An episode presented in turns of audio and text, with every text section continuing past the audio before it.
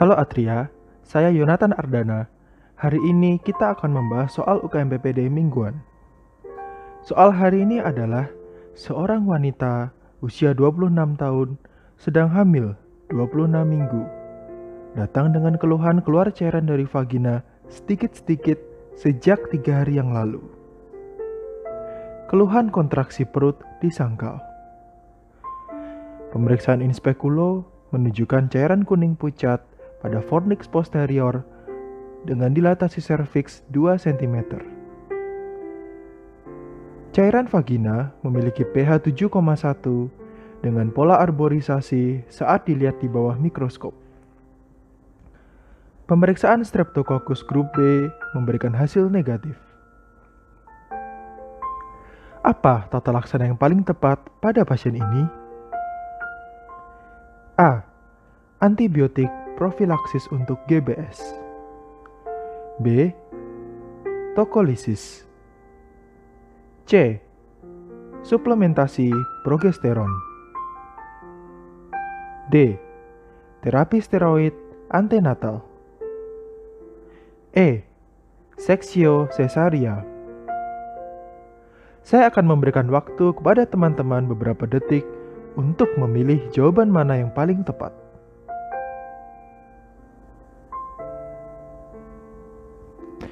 Baiklah teman-teman, jadi jawaban yang paling tepat adalah D. Pemberian steroid antenatal. Pasien pada kasus ini datang dengan keluhan ketuban pecah dini pada keadaan janin preterm. Ketuban pecah dini adalah rupturnya selaput ketuban sebelum munculnya kontraksi uterus yang merupakan tanda-tanda infartu. Beberapa faktor risiko untuk ketuban pecah dini adalah infeksi area kemaluan, perdarahan antepartum pada trimester 1, riwayat merokok, dan riwayat ketuban pecah dini pada kehamilan sebelumnya. Manifestasi klinis klasik pada ketuban pecah dini adalah keluarnya cairan bening atau kuning pucat dari vagina yang membasahi pakaian dalam. Terkadang, cairan hanya keluar dalam jumlah sedikit dan hilang timbul. Pemeriksaan spekulo sangat penting untuk seluruh pasien dengan keluhan discharge dari vagina. Sedangkan pemeriksaan VT atau vaginal touche harus dihindari karena dapat mempercepat fase laten dan dapat meningkatkan risiko infeksi intrauteri. Salah satu ciri khas pada ketuban pecah dini adalah akumulasi cairan pada fornix posterior. Cairan tersebut dapat memberikan banyak informasi terkait ketuban pecah dini. Misalnya, apabila dilakukan tes nitrasin, maka akan mengubah lakmus yang berwarna merah menjadi biru karena sifat cairan ketuban basah, sedangkan sifat cairan vagina pada aslinya adalah asam. Apabila cairan tersebut diperiksa di bawah mikroskop, maka akan tampak gambaran pola arborisasi atau bentuk seperti pohon dengan cabang-cabangnya. Pemeriksaan mikroskopik ini juga disebut sebagai Fern test. Selain pemeriksaan-pemeriksaan tersebut, pemeriksaan USG juga dapat menunjang diagnosis ketuban pecah dini. Akibat ketuban pecah dini, maka cairan ketuban akan mengalami kebocoran sehingga pasien mengalami oligohidramnion, yang berarti jumlah cairan lebih sedikit dari usia gestasi. Pada USG, oligohidramnion ditandai dengan AFI atau Amniotic Fluid Index kurang dari sama dengan 5 cm. Tata laksana ketuban pecah dini ditentukan berdasarkan usia kehamilannya. Pada usia kehamilan minimal 34 minggu, dapat dilakukan persalinan, baik secara SC maupun pervaginam. Pada usia kehamilan 24 sampai 33 minggu, maka kortikosteroid antenatal sebaiknya diberikan terlebih dahulu untuk membantu pematangan paru. Pada usia kehamilan kurang dari 24 minggu, maka perlu dipertimbangkan risiko ibu dan janin lebih lanjut lagi. Terminasi kehamilan mungkin merupakan langkah yang tepat pada kasus usia kehamilan di bawah 24 minggu.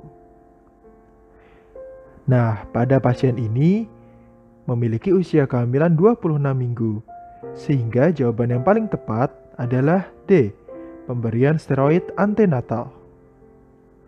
Mari kita lihat pilihan jawaban yang lain.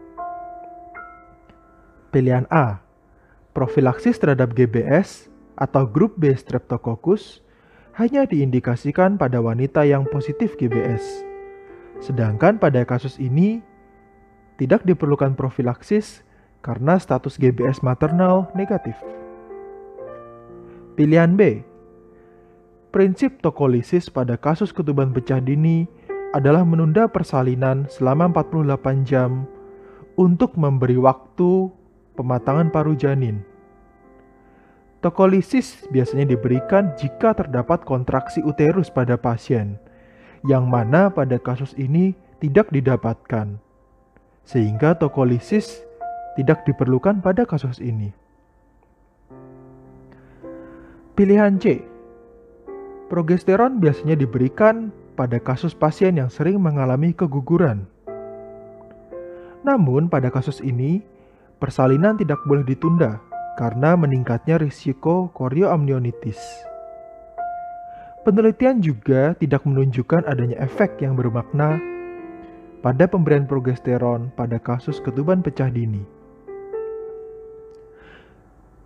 Pilihan E, persalinan diindikasikan pada ketuban pecah dini bila usia kehamilan minimal 34 minggu atau apabila ada indikasi lain seperti infeksi intrauteri, solusio plasenta, maupun kondisi gawat janin. Pada kasus ini, tidak tampak adanya indikasi untuk dilakukan seksio cesaria. Nah, sebagai rangkumannya, ketuban pecah dini adalah keadaan keluarnya cairan ketuban sebelum terdapat tanda-tanda infartu. Pemeriksaan yang dapat dilakukan untuk menunjang diagnosis ini antara lain dengan pemeriksaan inspekulo, pemeriksaan nitrazin, Fern test, dan USG. Untuk tata laksana pada kasus ini, yaitu pada usia kehamilan di antara 24 sampai 33 minggu, maka harus diberikan steroid antenatal untuk menunjang pematangan paru janin. Terima kasih telah bergabung di Atriakes hari ini. Kami tunggu teman-teman di Atriakes minggu depan.